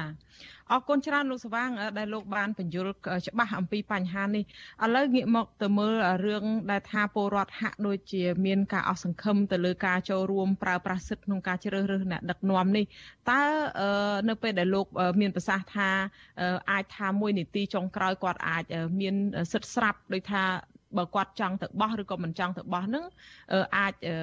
គាត់មានស្រាប់ទៅហើយអញ្ចឹងវាងាយជាជាងគាត់មិនទៅចោះឈ្មោះដែលគ្មាននៅក្នុងបញ្ជីតើបញ្ហានឹងក្រៅពីលោកជូនសារទៅប្រជាពលរដ្ឋថាគាត់មានសិទ្ធិអាចនឹងទៅបោះនោះតើវាជះឥទ្ធិពលល្អឬក៏អាក្រក់យ៉ាងម៉េចទៅដល់ស្ថានភាពសង្គមឬក៏ប្រទេសជាតិឬក៏ខ្លួនគាត់ផ្ទាល់ចា៎ ធម្មតាខ្ញុំគាត់នឹងលើកឡើងតិចថាប្រជាពលរដ្ឋលោកតែងតែលើកឡើងអ្វីដែលខ្ញុំបានជួបសម្ភារឬក៏ជជែកមួយប្រជាពលរដ្ឋលោកតែងលើកឡើងលោកមានការអស់សង្ឃឹមនឹងគឺត្រង់ថាឆន្ទៈដែលលោកបំរុងដែលលោកចង់បានឲ្យមានការអភិវឌ្ឍសង្គមស្កាត់តាមរយៈការជ្រើសរើសគណៈបកយោបាយឲ្យមានពហុបកឲ្យមានចម្រុះនៅក្នុងគុំុំសង្កាត់ហ្នឹងគឺថាមិនបានគោរពមិនបានរក្សាគាត់ទេគឺថាត្រូវបានបាត់បង់ក៏ប៉ុន្តែសូមជម្រាបថាដំណើរការប្រទេសកម្ពុជាយើងគឺជាប្រទេសមួយដែលមានគោលការណ៍លទ្ធិជាធិបតេយ្យសេរីពហុបកអញ្ចឹងពហុបកនេះគឺថាมันអាចផុតបានទេត្រូវតែមានការចូលរួមក្នុងការពុទ្ធជ័យគ្រាន់ថាឋានភាពនយោបាយវិវត្តយ៉ាងណាវាវាតែតែមានការផ្លាស់ប្ដូរពីសម័យមួយទៅសម័យមួយពីឆ្នាំទៅឆ្នាំអញ្ចឹងរឿងសំខាន់នេះគឺលោកត្រូវតែទៅចុះឈ្មោះសិនកាលណាចុះឈ្មោះក្នុងបញ្ជីហើយគឺថាលោកមានសិទ្ធិអំណាចណាសម្រាប់នៅពេលបោះឆ្នោតអញ្ចឹងបើទោះបីថានៅពេលបោះឆ្នោតលោកមិនទៅក៏លោកមានតម្លៃនៅក្នុង ការបញ្ចេញមតិរបស់ខ្លួនដែរគឺបញ្ចេញមតិយ៉ាងម៉េចឧទាហរណ៍ថានៅក្នុងឃុំរបស់លោកនេះគឺមានគ្នា1000នាក់អញ្ចឹងបើសិនជាលោកអត់សុខចិត្តលោកមិនមានអ្វីដែលបំពេញបំណងរបស់លោកបានអញ្ចឹងអ្នកទៅបោះឆ្នោតវាមានតែ500នាក់អញ្ចឹងមានន័យថា500នាក់គឺជាអ្នកដែលមាន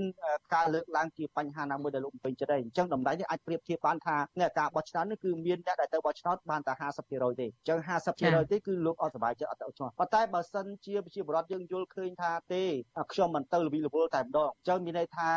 100%តែគេទៅចុះឈ្មោះហ្នឹងតែគេចង់បោះហ្នឹងដែលគេស្រឡាញ់គណៈបកគេហ្នឹងគឺគឺទៅបោះខាងហ្នឹងគឺមានន័យថាការបកស្រាយគឺ100%ហើយសម្រាប់ការចូលរបស់អ្នកបោះឆ្នោតហ្នឹងអញ្ចឹងយើងមិនបានបោះហ្នឹងគឺថាវាមិនមានតួលេខនៅក្នុងបញ្ជីដែលគេយកទៅធ្វើការវិតម្លៃទេអញ្ចឹងរឿងសំខាន់គឺឡើយនេះប្រជាពលរដ្ឋលោកត្រូវតែយល់ខ្ញុំទទួលយកទៀតថាត្រូវតែបំពេញសិទ្ធិរបស់ខ្លួនឯងបាទហើយរឿងភាពយុត្តិធម៌ឬអយុត្តិធម៌មានថាគណៈបកយោបាយលោកទៅតែប្រើច្បាប់នេះប្រើសិទ្ធិរបស់ខ្លួននៅតែធ្វើការទៀមទាដើម្បីរកភាពយុត្តិធម៌គឺថាมันมันបាត់បង់ទៅណាទេបាទនេះគឺជាតម្លៃមួយហើយបើសិនជាអត់បានគិតទីទេគឺប្រហាក់ដូចជាបដ ாய் ឲ្យអ្នកនយោបាយដែលមានគំនិតដែលគេថាมันល្អសម្រាប់ថាចង់បដិសេធអ្នកដែលមិនសប្បាយចិត្តចេញនេះគឺថាអាចបានសម្រេចដោយបំណងអញ្ចឹងកន្លែងនេះគឺជាកន្លែងមួយដែលសំខាន់ណាស់ដែលបងប្អូនជាបរដ្ឋត្រូវពិចារណាវិញថាត្រូវត្រូវបោះបង់ចោលតាមគេចង់បោះបង់ឬមួយក៏យើងត្រូវ តែបំពេញសិទ្ធិបំពេញទូរទីឬសិទ្ធិរបស់ខ្លួនយើងសម្រាប់ខ្ញុំខ្ញុំមានការផ្ដល់ទស្សនៈទានទៅតែប៉ុណ្ណឹងហើយបងប្អូនជារដ្ឋអាចធ្វើការពិចារណាសម្រេចដោយខ្លួនឯងបាទគឺមិនមានអ្នកណាមួយដែលបង្ខំទៅលើសិទ្ធិខ្លួនឯងថាត្រូវធ្វើនេះទូរទីខ្ញុំគ្រាន់តែការបង្ហាញបាទសូមអរគុណសូមអរគុណច្រើនលោកកនសវាងដែលលោកបានចំណាយពេលមានតម្លៃចូលរួមផ្ដល់សម្ភារដល់វិទ្យុអសីស្រីនៅពេលនេះចាជំរាបលាលោកត្រឹមប៉ុណ្ណេះសិនចាបាទអរគុណ លោកអ្នកនាងកញ្ញាទៅបានស្ដាប់បទសម្ភាសន៍របស់អ្នកស្រីខែសំណងជាមួយនឹងលោកកនសវាងអ្នកសម្របសម្រួលផ្នែកអង្កេតរបស់អង្គការឃ្លាំមើលការបោះឆ្នោត Confrel ស្ដីអំពីកាតព្វកិច្ចរបស់ប្រជាពលរដ្ឋដែលត្រូវពិនិត្យបញ្ជីឈ្មោះ និងចុះឈ្មោះបោះឆ្នោត។ ចាលោកនាងជាទីមេត្រីក្នុងឱកាសនេះដែរនាងខ្ញុំសូមថ្លែងអំណរគុណដល់លោកនាងកញ្ញាដែលតែងតែមានភក្ដីភាពចំពោះការផ្សាយរបស់យើង ហើយចាត់ទុកការស្ដាប់វិទ្យុអសីស្រីជាផ្នែកមួយនៃសកម្មភាពប្រចាំថ្ងៃរបស់លោកអ្នកចាការគ្រប់គ្រងរបស់លោកនាងនេះហើយដែលធ្វើយើងខ្ញុំមានទឹកចិត្តកាន់តែខ្លាំងបន្ថែមទៀតក្នុងការស្វែងរកនិងផ្តល់ព័ត៌មាន សម្រាប់ជូនលោកនាង ចាំមានអ្នកស្ដាប់និងអ្នកទស្សនាកាន់តែច្រើនកាន់តែធ្វើឲ្យយើងខ្ញុំមានភាពស្វាហាប់មោះមុតជាបន្តទៀតចាយើងខ្ញុំសូមអរគុណទុកជាមុនហើយក៏សូមអញ្ជើញលោកដានៀងកញ្ញាចូលរួមជំរុញសកម្មភាពផ្តល់ព័ត៌មានរបស់យើងនេះឲ្យកាន់តែបានជោគជ័យបន្ថែមទៀតចាលោកដានៀងអាចជួយយើងខ្ញុំបានដោយគ្រាន់តែចុច ចែករំលែកឬ share ការផ្សាយរបស់យើងខ្ញុំនៅលើបណ្ដាញសង្គម Facebook និង YouTube ទៅកាន់មិត្តភ័ក្តិរបស់លោកនាងដើម្បីឲ្យការផ្សាយរបស់យើង បានទៅដល់មនុស្សកាន់តែច្រើនចាសសូមអរគុណ លោកអ្នកស្ដាប់ទទីមេត្រីអតីតអ្នកជាប់ឃុំមួយចំនួនបានទម្លាយអំពីភាពមិនប្រក្រតីជាច្រើននៅក្នុងពន្ធនាគារប្រៃសណនិងពន្ធនាគារពេស៊ីដូចជាការផ្ដល់របបអាហារគ្មានស្តង់ដារនិងការលក់ដូរអីវ៉ាន់មានតម្លៃថ្លៃជាដើមពួកគាត់ក៏បានស្នើឲ្យពន្ធនាគារបញ្ចុះតម្លៃអីវ៉ាន់ដើម្បីជួយកាត់បន្ថយការចំណាយនិងបញ្ហាលំបាករបស់អ្នកជាប់ឃុំ។ ក៏ប៉ុន្តែមន្ត្រីអ្នកនាំពាក្យនាយកដ្ឋានពន្ធនាគារនៃក្រសួងមហាផ្ទៃអះអាងថាតម្លៃអីវ៉ាន់នៅក្នុងពន្ធនាគារគឺមិនថ្លៃខ្ពស់ហួសហេតុដូចជាការចោទប្រកាន់នោះឡើយចាលោកសេកបណ្ឌិត មានសេចក្តីរាយការណ៍ពិស្ដារដាច់ដライមួយទៀតជំវិញបញ្ហានេះបញ្ហារបបអាហារមិនគ្រប់គ្រាន់និងគ្មានអនាម័យត្រឹមត្រូវព្រមទាំងការលក់ដូរអីវ៉ាន់នៅក្នុងតម្លៃខ្ពស់ហួសហេតុ គឺជាបញ្ហាលេចធ្លោមួយនៅក្នុងចំណោមបញ្ហាធំធំជាច្រើនទៀតនៅក្នុងពន្ធនាគារព្រៃសរនិងពន្ធនាគារពេស៊ីអតីតអ្នកជាប់ទោសចាត់ទុកថាបញ្ហាទាំងនេះ គឺជាការរំលោភសិទ្ធិនិងជាការបឺតជញ្ជក់ឈាមអ្នកជាប់ឃុំធ្ងន់ធ្ងរអតីតអ្នកជាប់ឃុំមួយរូបដោយសារការតវ៉ាខាងមុខស្ថានទូតចិន គឺលោកសីសាតផារៀបរាប់ថា ការគ្រប់គ្រងពន្ធនាគារពេស៊ី គ្មានស្តង់ដារត្រឹមត្រូវនោះទេបណ្ដាលឲ្យអ្នកទោសរងទុក្ខវេទនាជាខ្លាំងលោកស្រីបន្តថារបបអាហារដែលពន្ធនាគារផ្ដល់ឲ្យអ្នកទោសគឺខ្វះខាត និងគ្មានអនាម័យឡើយដូច្នេះអ្នកទោសត្រូវបង្ខំចិត្តចំណាយលុយច្រើនសម្រាប់ទិញអីវ៉ាន់និងម្ហូបអាហារនៅក្នុងពន្ធនាគារដែលមានតម្លៃខ្ពស់ហួសហេតុអ្នកតវ៉ាទាមទារយុទ្ធធរសង្គមរូបនេះចោទថាអាជីវកម្មលក់ដូរនៅក្នុងពន្ធនាគារពេស៊ីនោះ គឺជារបស់ប្រធានពន្ធនាគារលោកឈឹមធីតានិងមន្ត្រីពន្ធនាគារផ្សេងផ្សេងទៀត ដូចជាប៊ីចេងប៊ីចេងកន្លះគីឡូនៅក្រៅតែ5300ទេគឺក្នុងនោះ8000ទឹកត្រីអីហ្នឹងសិតតែម្ដង4500គឺរបស់ថ្លៃទាំងអស់និយាយទៅសពហ្មងមីក៏ថ្លៃដែរមកកញ្ចប់1500ទៅ2000នៅក្នុងនោះពេលហូបបាយហ្នឹងមិនមែនហូបតែម្នាក់ឯងទេគឺមានអ្នកទោសគ្នាអត់អត់ហ្នឹងមកហូបជាមួយខ្ញុំដែរអញ្ចឹងគឺរបស់ហ្នឹងគឺហូបម្ដងគឺ5កញ្ចប់ឬ7 8កញ្ចប់ឯបានគ្រប់ហើយទីមួយទៀតទឹកផឹកពួកខ្ញុំរងទុកខ្លាំងណាស់ទឹកទិញគេម្ដង4000នៅក្នុងនោះ2លីត្រហ្នឹងអាលីត្រកន្លះហ្នឹងក្រៅពីនេះលោកស្រីសាទផាអះអាងថា មន្ត្រីពន្ធនាគារពេស៊ីបានប្រើគ្រប់វិធី ដើម្បីរកលុយពីអ្នកទោសដូចជាការយកលុយថ្លៃប្រើចង្ក្រានដាំស្លមួយខែ80000រៀល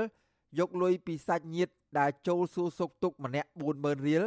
និងការហាមឃាត់មិនឲ្យសាច់ញាតិផ្ញើបន្លែត្រីសាច់ពីខាងក្រៅជាដើមព្រោះខ្លាចលក់អីវ៉ាន់នៅក្នុងពន្ធនាគារមិនដាច់ ខ្ញុំចង់ឲ្យពន្ធនាគារហ្នឹងកុំជក់ឈាមអ្នកទោសពេកដោយសារអ្នកទោសសិតតែអ្នកអត់និយាយទៅជក់ឈាមហ្មងក្នុងពន្ធនាគារគាត់ពុកអលួយហ្មងគាត់លក់ថ្លៃអ្នកទោសគាត់អត់មានថវិកាទិញអីហូបទេនិយាយទៅអ្នកខ្លះរកទៅលុយទិញតែអំបិលហូបក៏គ្មានផងអំបិលក៏ថ្លៃដែរអំបិលមួយកញ្ចប់4000ហើយអំបិលក្រៅតែមួយកញ្ចប់តែប្រមាណតែមក500,000ហ្នឹងពួកខ្ញុំទៀមទីឲ្យចុះអីវ៉ាន់នៅក្នុងពន្ធនាគារពេស៊ីហ្នឹងឲ្យអ្នកទោសបានទិញហូបផងហើយបើសិនតែគាត់លក់ថ្លៃចេះអ្នកទោសក្រុមគ្រួសារគាត់ឲ្យលុយទៅអត់ចាយបានមួយថ្ងៃទេជាសេះខ្ញុំលុយទៅនឹងបានតែ2 3ថ្ងៃអស់ហើយ30 40ម៉ឺនអីនោះរបស់ថ្លៃដូចគ្នានេះដែរសមាជិកក្រុមយុវជន លោកស្រីឈឿនដារាវី ដែលជាប់ពន្ធនាគារ15ខែ ដោយសារការតវ៉ាអហិង្សាទាមទារឲ្យដោះលែងលោករងឈុនលើកឡើងថា នៅក្នុងពន្ធនាគារពេស៊ីបានក្លាយជាកន្លែងរកស៊ីដ៏សំខាន់របស់មន្ត្រីពន្ធនាគារគ្រប់ជាន់ថ្នាក់ដោយមិនខ្វល់អំពីជនជាប់ឃុំ កំពុងជួបការលំបាកនោះទេចា ងវាងមន្ត្រីថ្នាក់ក្រោមគាត់ក៏ដោយគឺចែកគេរកស៊ីតែហ្មងដោយបងស៊ីនលក់ហៅលក្ខណៈចាប់ហួយគឺខាងវាងយ៉ាងទៅមហោបេព្រឹកអីមានអីទេកចប់មានបាយមានអីហ្នឹងអាហ្នឹងថ្នាក់ក្រោមគាត់អញ្ចឹងទៅតាមទឹកលក់ហ្នឹងមកគឺមន្ត្រីផ្សេងជាការគឺចែកគ្នារកស៊ីអញ្ចឹងរហូតដល់ហាមឃាត់ឬថាអ្នកតោគាត់ធ្វើអីលក់អញ្ចឹងទៅបើសិនជានៅខាងដងស៊ីនហ្នឹងមានរបស់ហ្នឹងគឺគេហាមឲ្យធ្វើលក់ទេបាច់សល់របស់គេអញ្ចឹង តកតូននឹងករណីនេះវិទ្យុអាស៊ីសេរីនៅពុំទាន់អាចតកតងសុំការឆ្លើយតបពីប្រធានពន្ធនាគារពេស៊ីលោកឈឹមធីតាបាននៅឡើយទេរីឯនៅក្នុងពន្ធនាគារព្រៃសរផ្នែកបរោះហៅថាម៉ូ2វិញ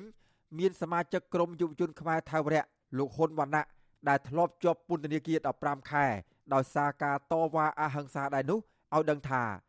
រយៈពេល3ខែចុងក្រោយនេះពន្ធនាគារព្រៃសរម៉ូ2 ហាក់ដូចជាមានការកែប្រែទៅរកភាពល្អប្រសើរច្រើន បន្ទាប់ពីសកម្មជនដែលជាប់ឃុំនាំគ្នាតវ៉ាជាបន្តបន្ទាប់លោកបញ្ជាក់ថា របបអាហារអាចទទួលយកបាន ចំណែកការលក់ដូរអីវ៉ាន់វិញ នៅតែមានតម្លៃខ្ពស់ជាងខាងក្រៅប៉ុន្តែមិនថ្លៃខ្លាំងហួសហេតុនោះទេទោះយ៉ាងណាលោកចង់ឃើញពន្ធនាគារព្រៃសរកែលម្អបន្ថែមទៀតដូចជាការពង្រឹងការផ្តល់សេវាសុខាភិបាលឲ្យបានត្រឹមត្រូវ ស្មើភាព និងគ្មានការរើសអើងពង្រឹងការផ្ដល់ជំនាញវិជ្ជាជីវៈដល់ជនជាប់ឃុំព្រមទាំងលុបបំបាត់អំពើពុករលួយគ្រប់ប្រភេទពីមន្ត្រីពន្ធនាគារ។ ពន្ធនាគារខ្លួនឯងហ្នឹងគឺជាកន្លែងដែលដល់គំរូអាក្រក់ទៅដល់អ្នកទោសទៅវិញមានន័យថាអ្នកទោសគាត់ចាត់ទុកមន្ត្រីជាមនុស្សដែលចេះដឹងច្បាប់ណាប៉ុន្តែពេលដែលគាត់ជាប់ទោសហ្នឹងគាត់ឃើញមន្ត្រីពុករលួយឃើញមន្ត្រីហ្នឹងធ្វើខុសច្បាប់ដូចទៅនឹងអ្នកទោសទូទៅដែរតែអញ្ចឹងទង្វើរបស់មន្ត្រីហ្នឹងវាជាគំរូអាក្រក់ទៅដល់អ្នកទោសផ្សេងទៀតអញ្ចឹងមនុស្សដែលប្រព្រឹត្តខុសហើយគេបញ្ជូនទៅពន្ធនាគារហ្នឹងมันបានឲ្យគាត់មានចំណេះដឹងឲ្យគាត់រៀនសូត្រជំនះជំនាញអីទេ ប៉ុន្តែបែរទៅជារៀនសូត្រពីគំរូអាក្រក់គំរូដែលចម្លុតយកលុយអាគំរូដែលក៏លួយដែលមន្ត្រីពន្ធនាគារនឹងបង្ហាញទៅដល់គាត់ក្រៅពីនេះអតីតអ្នកជាប់ឃុំទាំងនេះបានទម្លាយអំពីភាពមិនប្រក្រតីជាច្រើនទៀតនៅក្នុងពន្ធនាគារប្រៃសណនិងពន្ធនាគារពេស៊ីដូចជាលបែងស៊ីសងវាយទាត់ធាក់មានអំពើពុករលួយ ការឃុំអ្នកទោសលើកំណត់ ការផ្ដល់សេវាសុខាភិបាលមិនត្រឹមត្រូវ និងគ្មានការបណ្ដុះបណ្ដាលជំនាញវិជ្ជាជីវៈដល់អ្នកទោសជាដើមពួកគាត់ស្នើសុំឲ្យរដ្ឋាភិបាល ជួយកែលម្អស្ថានភាពនៅក្នុងពន្ធនាគារឲ្យបានប្រសើរជាងមុនមាត្រា2នៅក្នុងច្បាប់ស្តីពីពន្ធនាគារឆ្នាំ2012ចែងថា ច្បាប់នេះមានគោលដៅអប់រំកែប្រែ និងស្ដារនីតិសម្បទាដើម្បីធ្វើសមាហរណកម្មជនជាប់ឃុំ ទៅក្នុងសង្គមវិញ និងទប់ស្កាត់បទល្មើសសារជាថ្មី អ្នកនាំពាក្យអគ្គនាយកដ្ឋានពន្ធនាគារលោកដុតសាវណ្ណាឆ្លើយតបថា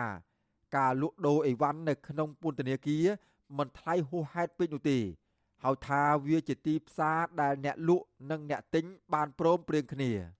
គេអត់មានបខំឲ្យគាត់ទិញណាគេអត់មានបខំឲ្យគាត់ទិញទេណាបើគាត់ចង់ហូបគាត់គិតថាណាអត់បានឲ្យហូបមិនរបបគេចែកឲ្យហូបរាល់ថ្ងៃនេះមិនវិញគេឲ្យគាត់ទីកទួ អឺបាទបើតម្រូវការគាត់ខ្ពស់ពេកហើយរបបគេទូទៅវាអញ្ចឹងឥឡូវធ្វើម៉េចយើងមិនមែនបង្ងើយកតាឥឡូវខ្ញុំសូមបញ្ជាក់រឿងរបបរូបធម្មរបបអាហារហ្នឹងក៏យើងកំពុងតាក់តែងឲ្យមានស្តង់ដារដែរណាកាលពីថ្ងៃទី16ខែវិច្ឆិកាលោកនុតសាវណ្ណាក៏បានចេញសេចក្តីថ្លែងការណ៍ច្រានចោលចំពោះការចោទប្រកាន់របស់សកម្មជនសង្គមទាំងនេះថាធ្វើឡើងដោយចេតនាមិនស្មោះត្រង់និងឆ្លៀតឱកាសកេងចំណេញនយោបាយ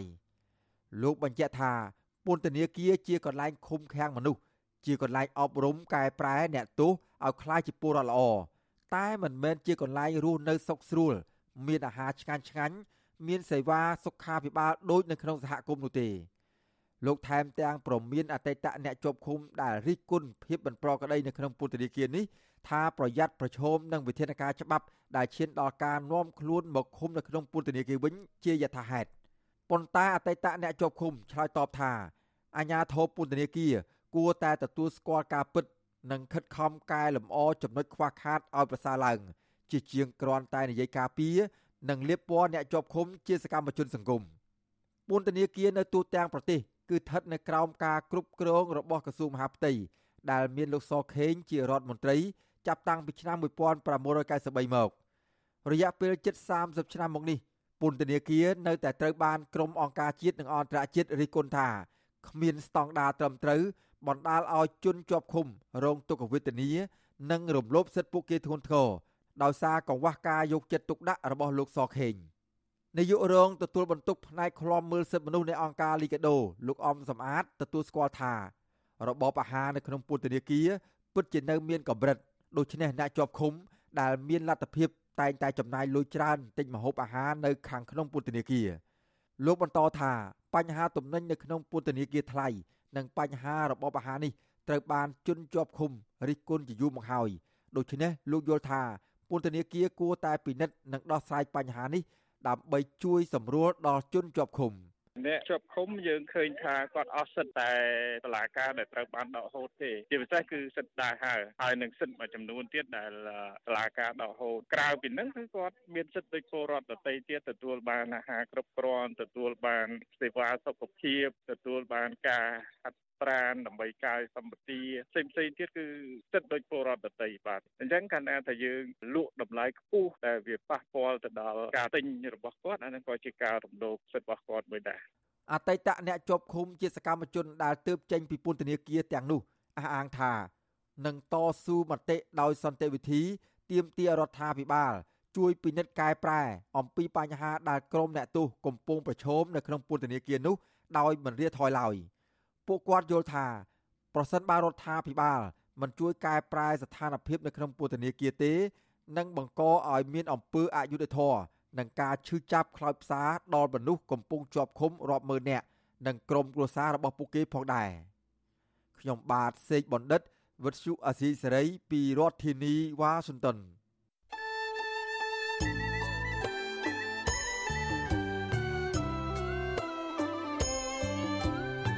ចាលោកនាងកញ្ញាអ្នកស្ដាប់ជទីមេត្រីកັບផ្សាយរយៈពេល1ម៉ោងនៃវិទ្យុអាស៊ីស្រីជាភាសាខ្មែរនៅពេលនេះចាប់តែប៉ុណ្ណេះ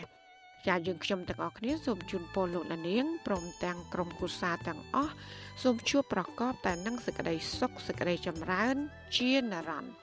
ចានាងខ្ញុំម៉ៃសុធានីព្រមទាំងក្រុមការងារទាំងអស់នៃវិទ្យុអាស៊ីស្រីសូមអរគុណនិងសូមជម្រាបលា